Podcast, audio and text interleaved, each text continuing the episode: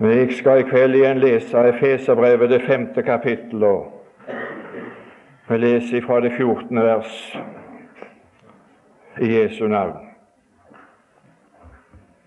Derfor sier Skriften, våkn opp, du som sover, og stå opp fra de døde, og Kristus skal lyse for deg. Se, Se derfor til hvorledes dere kan vandre varlig, ikke som uvise, men som vise, så dere kjøper den beleilige tid, for dagene er onde. Og så kapittel seks og det tiende vers. For øvrig, bli sterke i Herren og i Hans veldes kraft. Herre Jesus, vi takker for alle anledninger som du drar omsorg for i vårt liv, til å samles for ditt åsyn, for å høre ditt ord. Og vi vil få lov å be om la din ånd i ordet være, og signe stunden, Frelser kjære.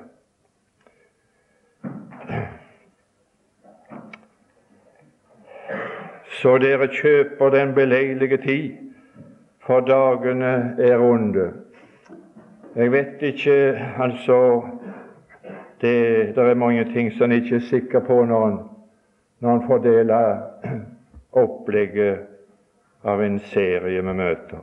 Nå har vi brukt altså tre av disse møtene til å være opptatt med hva slags krefter det er som står bak og gjør dagene vonde. Det, det, om det var for mye tid å bruke på det, det vet jeg ikke, eller om det var for lite tid. Det var iallfall av en slik art at det er i stand til å vekke opp av søvnen når vi blir oppmerksom på ikke bare dagene som er onde, slik som de er i, i sin karakter til så de har vært nede gjennom tidene, som djevelen. Det er han som står bak alt som er vondt i denne verden.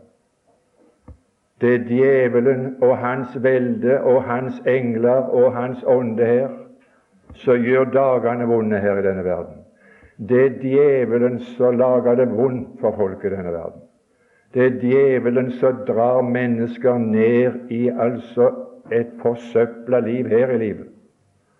Og det er djevelen som i de kommende dager gjennom nye krefter, gjennom nye makter som nå stiger opp, skal være årsak til at de kommende dager vil få en karakter av en så stor vondskap at det kalles av Jesus for den store trengsel, så det aldri har vært maken til ifra skapningens begynnelse, og heller aldri vil bli. Nå vil, det, nå vil det altså ikke bli mer om Satan og hans engler og hans ånde her som gjør dagene vonde for folk. Det må være nok altså å bruke tre av seks møter til det. Men det er iallfall av en slik art altså at Skriften sier at vi skulle våkne og med oss å bli gjort oppmerksom på det, så, så foregår det en vekkelse i vårt sinn på grunn av det som vi blir gjort oppmerksom på i Guds ord. Det som vi nå leste, det er det at vi, vi hørte om et annet velde enn Satans velde i det tiende verset av Efeserbrevet. Det var om Herrens velde, Jesu Kristi velde. Her er altså en sånn gigantisk kamp som utkjempes om sjelene imellom Satans velde og Herrens velde her i denne verden. Og det er dette som jeg nå vil få lov å bruke de siste møtene til og så gjøre oss kjent med Herrens velde. De krefter som Herren bruker for å ikke kunne gjøre dagene vonde, for dagene, dagene gode, for dagene er vonde. Så han, kan ikke, han, han har ikke et velde nå hvor han gjør dagene gode for folk. Det skal han gjøre når han kommer ned, som vi har lest om her tidligere om kvelden, når han stiger ned og gjør slutt på vondskapen. Da skal han gjøre dagene gode i tusenårsriket. Da skal det bare være godt her i denne verden. Men det han bruker sine krefter til nå Han setter all sitt veldes makt inn på å trøste de som nå har det vondt, og gi dem et håp om at i evigheten der skal det ikke være tårer mer. Der skal det ikke være vondt mer. Der skal det ikke være mørke mer. Du skal få et håp om en evig herlighet i glede.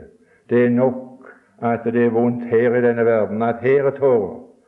Det er haugen på nok, om ikke skal evigheten nok skulle bli slik. Og Derfor så vil, så vil en lese nå om det som er spørsmålet for oss, det som er det store spørsmålet når vi er våkna, når vi ikke sover lenger.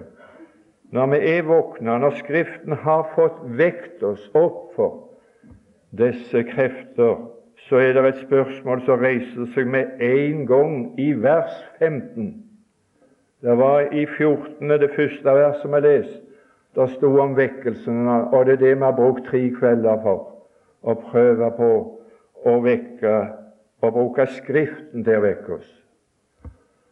Og så kommer da altså det som er det store spørsmålet, 15. vers. Se derfor til hvorledes Det er et spørsmål hvorledes skal jeg kunne gjøre bruk av denne beleilige tid? Hvorledes skal jeg kjøpe denne beleilige tid? Nå når jeg er blitt vekte, så er jeg interessert i å få vite hvorledes og da er det ikke spørsmål om å vandre, men hvorledes jeg kan vandre. Varlig det er ikke den betydning av ordet varlig at vi skal vandre forsiktig, for det skal melde oss opp. Men her er det altså spørsmål om hvorledes skal jeg vandre, slik at jeg vandrer varlig på den måten som dette verset, ordet betyr, at jeg vandrer oppmerksomt, er obs på situasjonene, altså at når jeg møter et beleilig øyeblikk, så er jeg i stand til å gjøre bruk av det øyeblikket, denne beleilige tid. Hvorledes? Hvorledes skal jeg kunne vandre varlig, ikke som uvise, men som vise? Hvorledes skal jeg kunne bli sterke, at vi har lyst til å bli sterke? Du store der. Her er det altså i kveld altså kommet masse kjekke, fine ungdommer. Så jeg har sett her på bedehuset nå i, i en lengre tid, så langt som jeg kan minnes. Og jeg vet det altså at det er noe som både de unge, de yngste av oss her, og de som er litt eldre, eller de yngste, og de som de som er i middelalderen, og for ikke å snakke om altså folk som er kommet opp i år. Er det noe vi kunne ønske så var det å bli sterke. Men det er jo det som er tilfellet at vi ikke er. Og jeg blir ikke sterk med altså at jeg, jeg, jeg, sier nå vil jeg bli sterke. Det var ikke farlig da at jeg kunne bestemme meg. Men her er det spørsmål hvorledes skal jeg og du, nå når jeg er vakt av Skriften, at han har fått vekt meg opp av likegyldighet, og at jeg ser situasjonen. At nå er det altså fare for at den beleilige tid til å være med og vinne sjeler kan snart være forbi. Og at den beleilige tid for folk å bli frelst, den kan snart gå forbi. Hvorledes skal jeg og du kunne bli sterke, slik at vi kan utnytte den beleilige tid? Det er det som er spørsmålet og du store verden. Og da er det et svar. Du verden, så, så godt det er å få skikkelige svar. Bibelske svar så er sånn altså at de går opp for oss. Bli sterke, står det, i Herren. Og det er den eneste plassen det går an å bli sterke. Ellers er vi så svake. Jeg har prøvd å sitte Det var, var noen som jeg ønsket av hele min sjel skulle vært på dette møtet i kveld. Så jeg har snakket med i dag. Så hadde det høyeste ønsket sitt å være her i kveld. Og så er de allikevel ikke der som de har lyst til å være.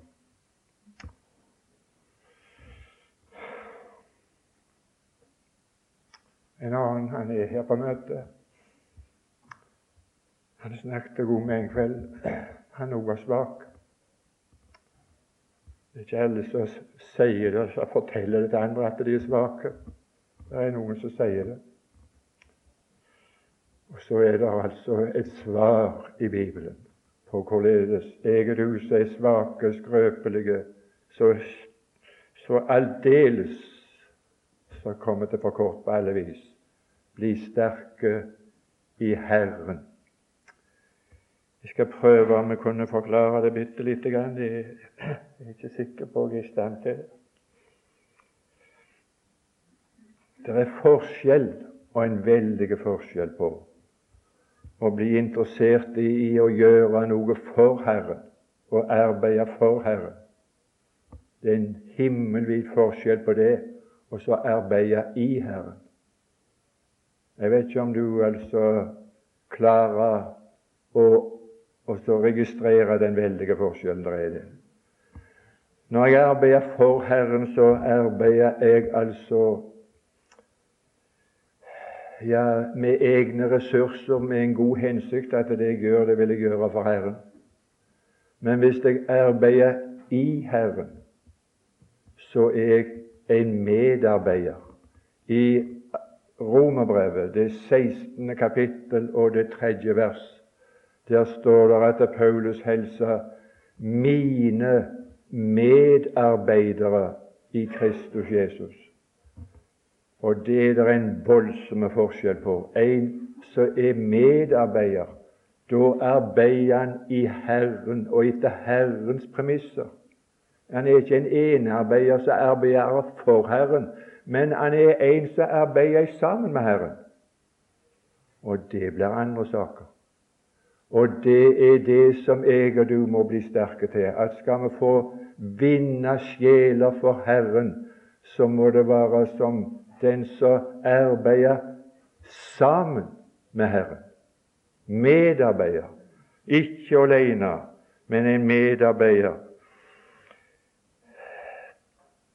I 2. Korintiabrev, det første kapittel, eller 2. Korintiabrev, det andre kapittel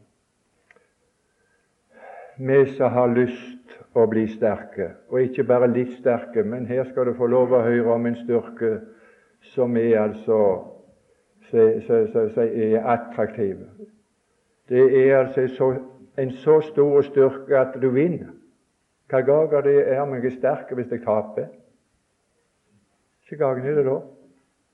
Men hvis jeg er så sterk at jeg vinner, da, er det gagn i.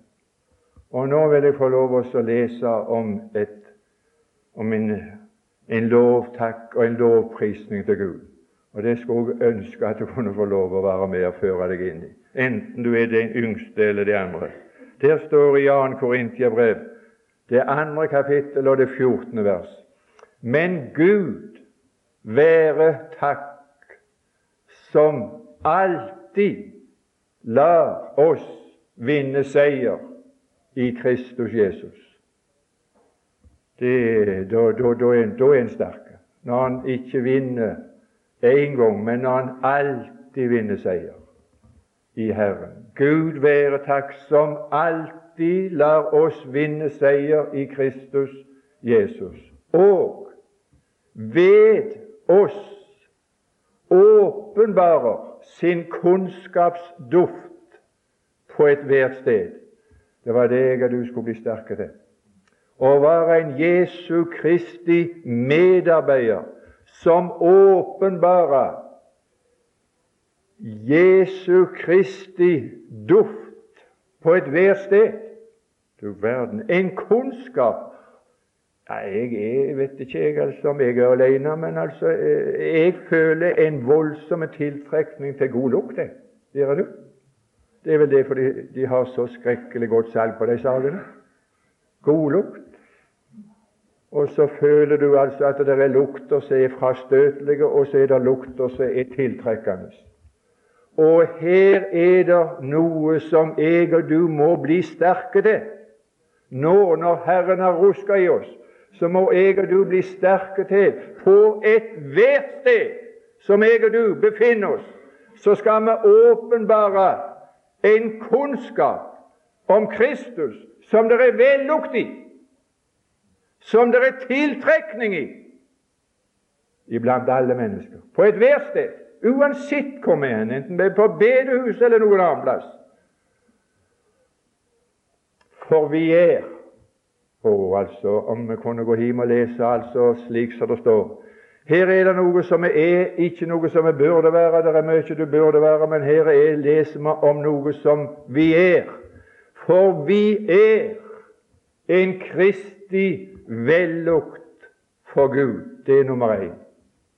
Det er det for at vi alltid er på den seirende sida. For at Gud alltid har velbehag i oss. Vi er vi er en Kristi vellukt for Gud. Vil du, vil du, prøve å huske det? Tror du det er noe å takke Gud for i kveld når du skal legge deg? At Gud kjenner vellukt av deg? Hvorfor? Fordi du er i Kristus Jesus. Og bare det. For du tok imot Ham. Å, men han kjenner vellukt. Å, men, å, men han tiltrekkes til deg. Du øver en tiltrekning på Gud, for han kjenner en vellukt.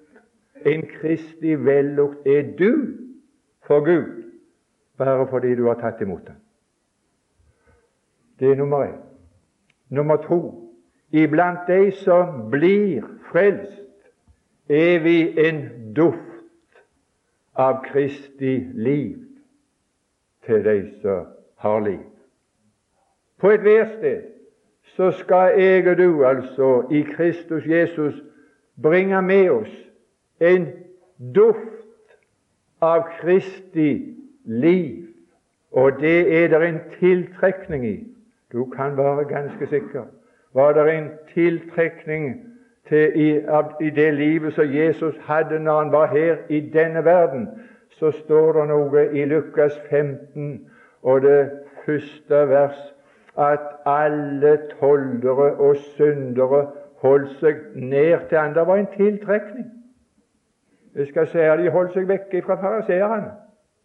Men var det en toller og var det en synder, så var det altså en tiltrekning til Jesus. For når de kom, så kom de for å høre Jesus. Når de sjuke kom, så kom de for å bli friske. Men når de som var syndere, kom og følte seg tiltrukken til Jesus, så kom de for å høre Han, for de var den eneste på jorda som kunne tilgi synd. Det var en tiltrekning. Ja, du kan være ganske sikker. Men var det en tiltrekning av på syndere når han var her i denne verden, så er det en større tiltrekning av hans liv av hans oppstandelsesliv. I Romerbrevet, det sjette kapittel, det tiende og det ellevte vers, det er sånne nøkkelord altså som Møster burde kunne utenat. Men altså, der står sin død, den døde Jesus en gang for synden, men sitt liv, den lever. Det lever han, det levde han ikke, men han har et liv som han lever nå. Og det liv som Jesus lever nå, det lever han for Gud. Og så står det i det ellevte vers etterpå således skal dere regne eder eller akte eder som døde for synden. Ja, det skal jeg si deg, altså enten du er ung eller gammel, så er det noe som du må regne deg til, for du er spedlevende for synd. Er det noe du er levende for, så er det for synd. Jeg skal si at du livner til når det er synd, så vekker de syndige lyster.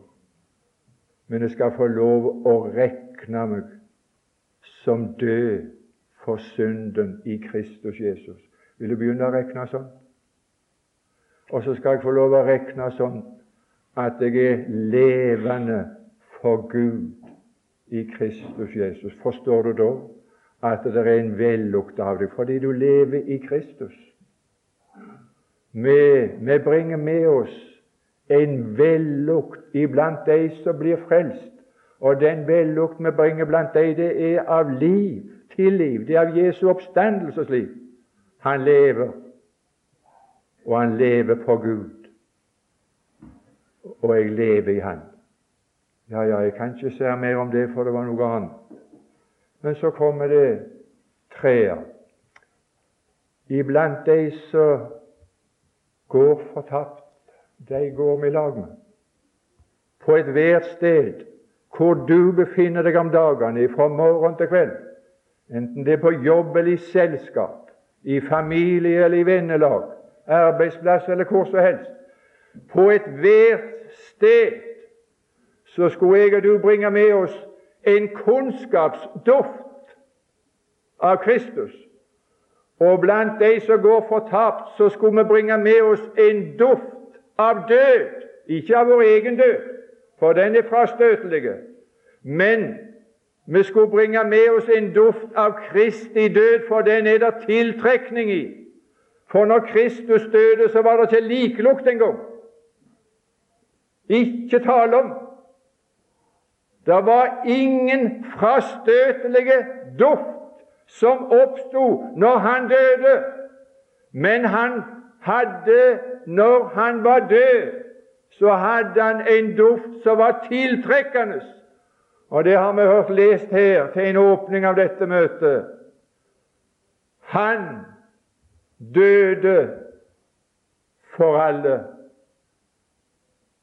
Det er det en vellukt i. Det er det en tiltrekning i. Galaterbrevet, det andre kapittel og det tjuende vers. Den kunnskapen om den vellukten iblant ufrelste mennesker, hvor i verden vi skulle befinne oss, i hva slags sorter og slags ufrelste mennesker vi skulle være i lag med, så skulle det komme ut en kunnskap ifra oss, en duft av Kristi død.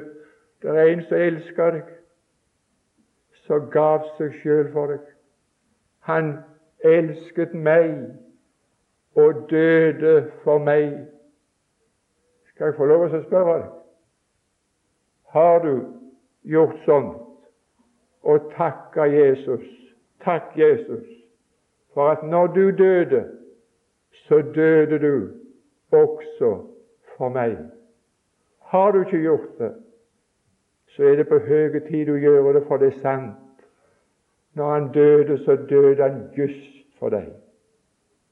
Din del er å tro det og takke, og Frelseren kaller deg sin. Å, på denne måten kan vi kjøpe den beleilige tid og vinne mennesker fra himmelen, rive de ut av Satans makt ved å være sterke i Herren og i Hans veldes kraft. Ja, ja, vi har ei strofe i en sang. Den første gangen jeg hørte den, det var iallfall Sævla Musikklag. Og jeg vet at den greip meg, altså, har fulgt meg etterpå den gangen. Og jeg har lyst til å sitere det for deg. Jeg bringes til ro ved enkelt å tro Jesus, du døde på korset for meg. Takker du for det, så skal du kjenne roen komme. Jeg bringes til ro ved enkelt å tro det og takke for det. Jesus, takk for at når du døde, så døde du også for meg. Ja. Jeg sitter en her som En dag kom inn i forretningen min, og så sa han jeg har lyst til å takke deg, Arne, for det du en gang sa. Det ble til hjelp for meg. Jeg gjorde sånn som du sa. Jeg hørte det, og så bødde jeg mine knær hjemme i stua. Og, så, og så gjorde jeg sånt. Jeg takket Jesus. Takk, Jesus, for at når du døde, så døde du også for meg. Så når kona hans kom hjem fra bedehuset om kvelden, så sa han til henne at jeg, jeg er blitt frelst. Han sitter her. jeg bringes til ro. Ved enkelt å tro Jesus, du døde på korset for meg. Bli sterke i Herren og bringe med oss kunnskapen om Herren. Jeg skal ikke si mer om det. Bli sterke i Herrens veldes kraft. Jeg skal si det altså at det, det er andre krefter i sving enn i djevelens velde. Djevelens velde de bruker alle sine krefter til å, å herske over sine folk. Det står noe i Lukas 22, 25. Kongene på jorden, de hersker over sine og bruker makt over dem, og de kalles deres velgjørere ved å gjøre det. Men så sa Jesus således må det ikke være iblant eder. Den som vil bli stor, og den som vil bli sterke i mitt velde, han må bli alles tjener. Du stormaker. Vet du hva det står? Ja, det vet du. Men altså, du har tenkt på det i helt gal mening når du har lest og tenkt på det. Det som står i Romerbrevet 12, så står det Skikk eder ikke like med denne verden, så tenker vi på klær. Kan du tenke noe så vanvittig som om klærne skulle ha noe med det å gjøre? Skikk eder ikke like med denne verden. Nei, det har med noe innvortes å gjøre. Skikk er eder ikke like med denne verden, med djevelens velde, som bruker makt og hersker og kreve av andre. Men skikk er eder etter Jesus Kristus, sånn som Han herska i sitt velde. La dette sinn være i eder, som òg var i den Herre Jesus, som tok på seg en tjenerskikkelse og sleit seg ut for at andre skulle få det godt. Det er å ikke skikke seg like med denne verden. Ikke kreve på nagler av et eneste menneske, men bare komme Skal jeg få lov å gi? Skal jeg få lov å tjene deg med å gi? Skal jeg få lov å gi deg noe ifra himmelen? skal jeg få lov å gi. Det, det er det som jeg og du skal bli sterke til. Å, men det er bruk for det. Eksempler i Bibelen for hvorledes det går an når dagene er vonde, å gjøre bruk og kjøpe den beleilige tid. Det står om noen dager så onde. I 2. Korintiabrev, det første kapittel og det fjerde vers. Dem, dem som er i all slags trengsel. Det er mange forskjellige årsaker til at det er mange som er i trengsel i denne kveldsstund. Så er i sånne trengsler at de ikke er her engang på dette møtet, selv om de har det som sitt høyeste ønske Tenk om jeg hadde fått ord på møtet i kveld. Dagene er vonde. Vet du hvem som gjør dagene vonde? Det er djevelen. Det har vi sagt så mange ganger, men det må gjentas. Og jeg skal si at han slutta ikke med å gjøre dagene vonde. Og den som jeg snakket med i dag har en sang som jeg trodde sto i sangboka nå, men han gjør ikke det, og jeg kan han ikke utenat, men jeg kan i strofa. Ser du den som begynte på vei? Står det i strofa i en sang. Det var noen som begynte på veien.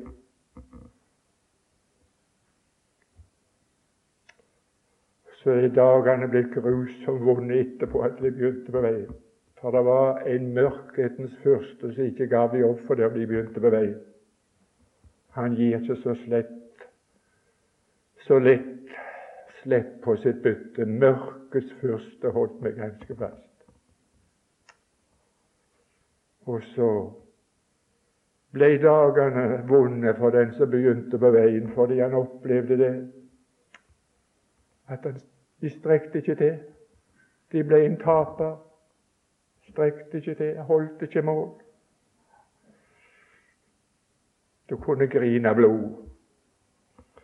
En trenger ikke vente på antikristens tid for at dagene skal bli grusomt smertefulle vonde, men de er så vonde rundt omkring fordi djevelen og de vonde makter er løse. Er det noen som begynner på veien, så er helvete løst med en gang. Jeg skal si det altså at de møter opp. Både ånder og sataniske engler og djevelen sjøl for å få de til miste motet. Gi opp!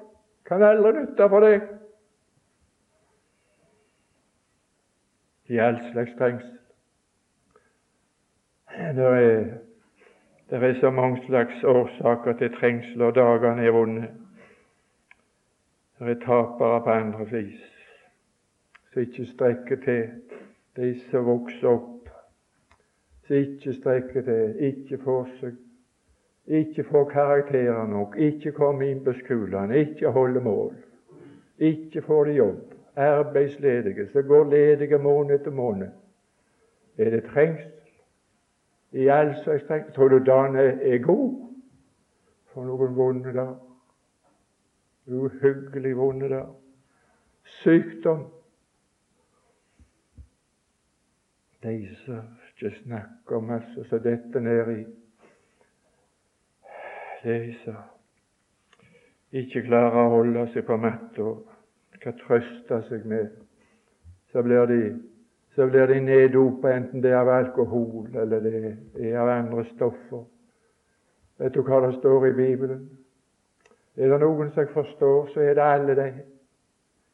Vet du hva det står? Det som de er i beite for, og det de er i mangel av, det er trøst. For det finnes det ikke i djevelens velde. Det er ikke trøst i denne verden for de som er i trengsel. Det de trøster seg til, er spindelvev. Kan du tenke deg ikke å ha noe annet å trøste deg til enn du ser noe spindelvev når du holder på å sykle, så skal du prøve å ta i det. Og det er spindelvev. Er noe som er spindelvev, så er det og så slukker trengslene med alkohol eller narkotika, eller slipper seg ut på et løssluppet liv ellers. Enten det er i usedelighet, eller det blir i forbrytelser, eller det er all slags. Dagene er vonde for forferdelig mange på Karmøy og pokker.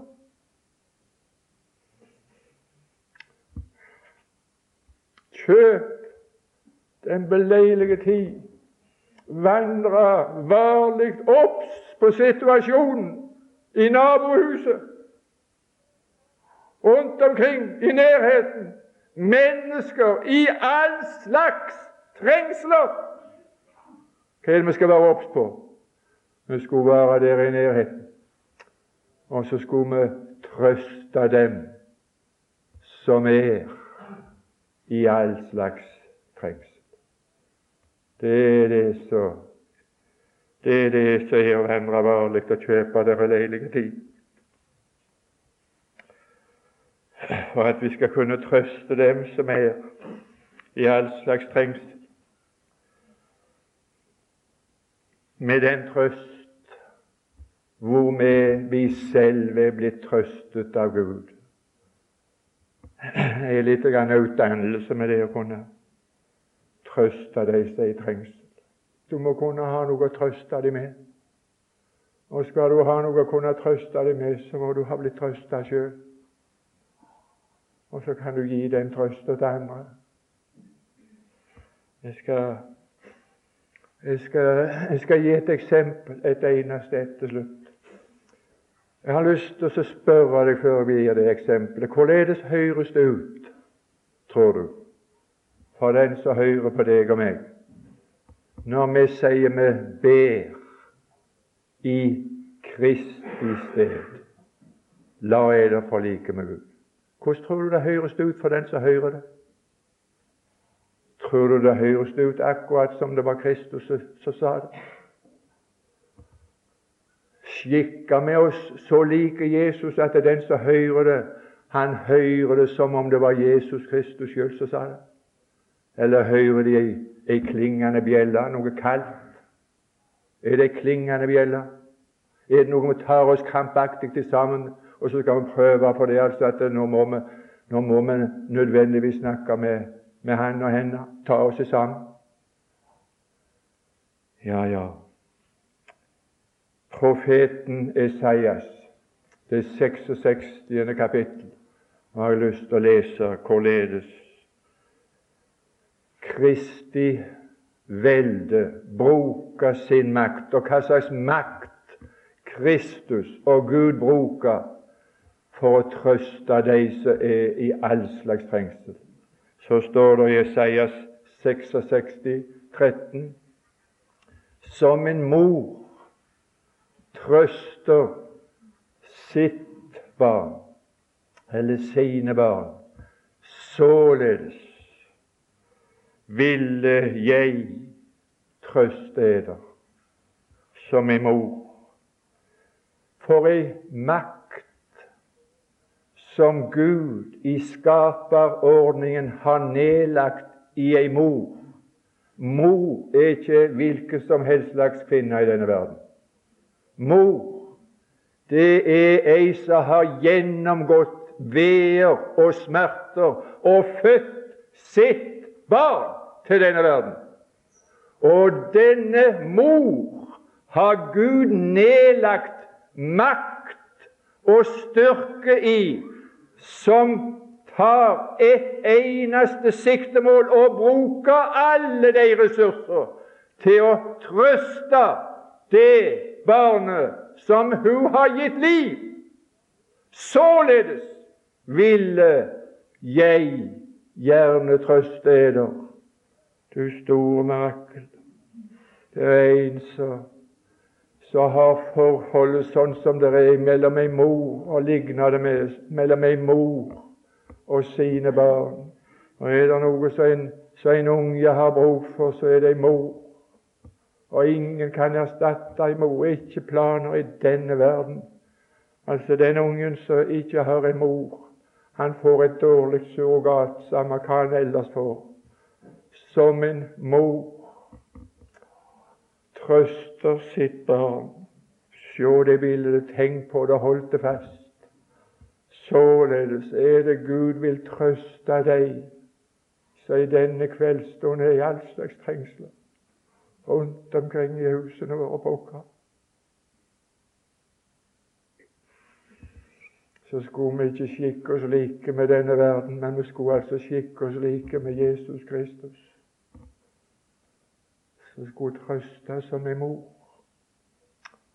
Når Paulus kom til den vidle, hedenske Tessalonika-byen Snakk om at det er gale her rundt omkring dørene. Det, det, det er blåbær i forhold til sånn som det var i Tessalonika når han kom.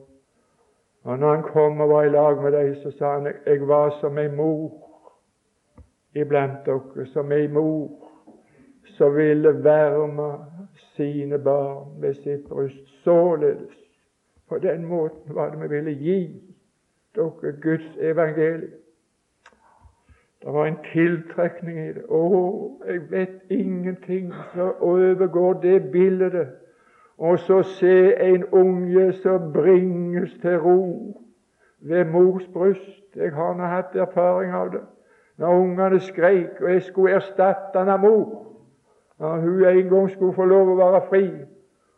Å, herlige land, når de begynte å skrike, så begynte jeg å gå og bære dem på gulvet. Og bussa hussa, rista, dundra og bala. Og En stund så gikk det med sånne surrogater, men altså Det var et lettelsens sukk når jeg hørte døra gikk opp og mor kom inn. Og la de ungene som jeg ikke kunne bringe til ro med noen metode, så la hun det til sitt bryst, og så bringtes de til ro. Og så tilfreds har jeg aldri sett noen som kunne bli på en blunk. Og så tilfredse mennesker har aldri kunnet sett som deg som har fått opplevd Gud som en mor. En som var glad i deg, så er ditt opphav Og så lenge du er borte, så er du utrøstelig. For den eneste som er i stand til å trøste deg, det er Gud. Forstår du? Han som trøster oss.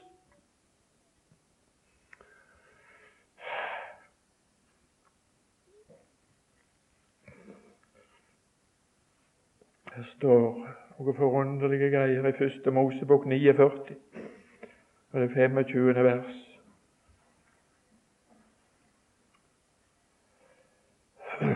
Han som hjelper deg med bryster og morslivs velsignelser.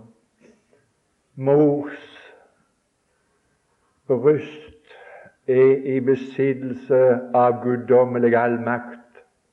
De er i besittelse av alt det er som er nødvendig for det, for det barnet som legges til mors bryst. Det trenger ikke til tilleggskost. Det er altså tilstrekkelig. Jeg bringes til ro, til tilfredshet. Og så har jeg et bilde til. Matteus, det 23. kapittel.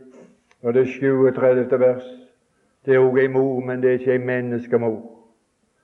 Men Jesus ligna seg ikke bare med ei menneskemor, men når han lagde den forordningen i naturen med ei hønemor som klekka ut kytlinger og blir ei hønemor på den måten, så står det at Jesus sammenligner seg med den hønemor. Som ei hønemor samler sine kyllinger under sine vinger.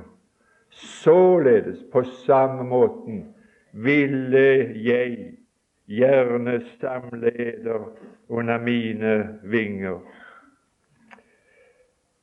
Vi har, vi har mange fine sanger i sangboka vår, og i en av dem så, så, så lyder det slik som en mor gir barnet trøst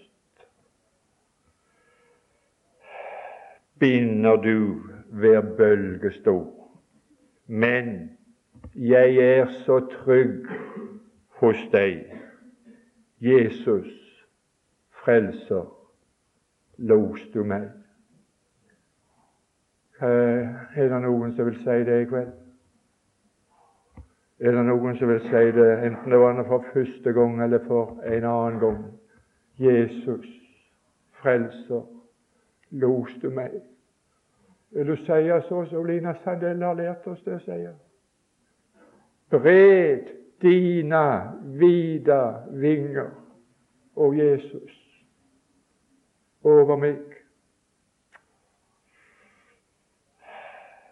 Og la meg stilt få hvile i ved og vel hos deg. Det står noe om at det var noen som skulle prøve å trøste, men den trøst de gav, var intet verd. Folket måtte gå og lide vondt etterpå det besøket. Men så er det noen som bringer denne trøsten ifra Jesu Kristi velde som en mor. Så blir resultatet at den som var i all slags trengsel, han blir trøstet. Vår trøst er rikelig. Han trøster oss. Forstår du det? At du blir trøsta. Du bringes til ro. Du bringes til tilfredsstillelse sjøl i de vonde dagene. Å, Jesus, la jeg få lov å være under dine vinger inntil stormen går forbi. Vi har hørt noe om en storm som er ventende innover denne verden, som er verre enn den som går nå. Jeg syns den er gal nok, den som går nå. Det er iallfall uvær i nabolaget rundt omkring. Pokker. Mørke skyer. Mørkhetens krefter som prøver å rive sjeler til mørkets makt. Om de en dag begynte på veien, en natt lå og ba til Gud av et oppriktig hjerte, frelste da har du hele hopet hela helgens fast.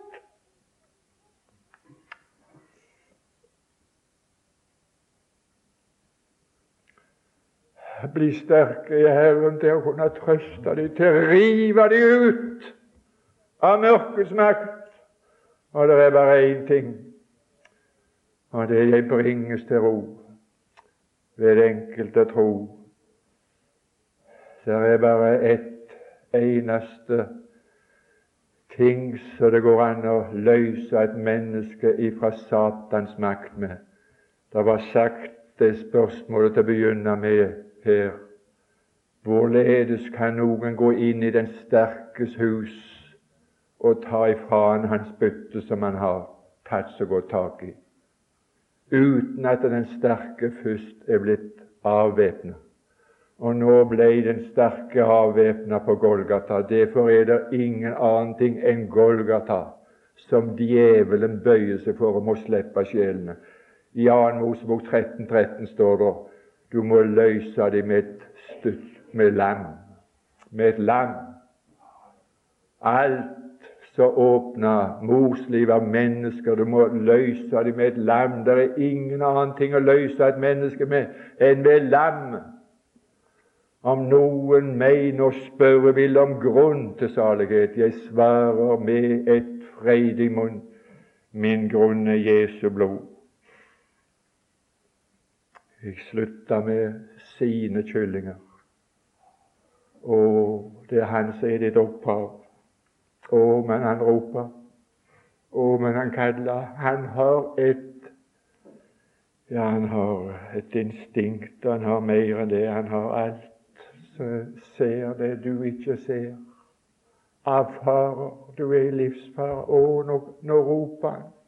Han roper som aldri før. Han vil samle deg inn under sine vinger.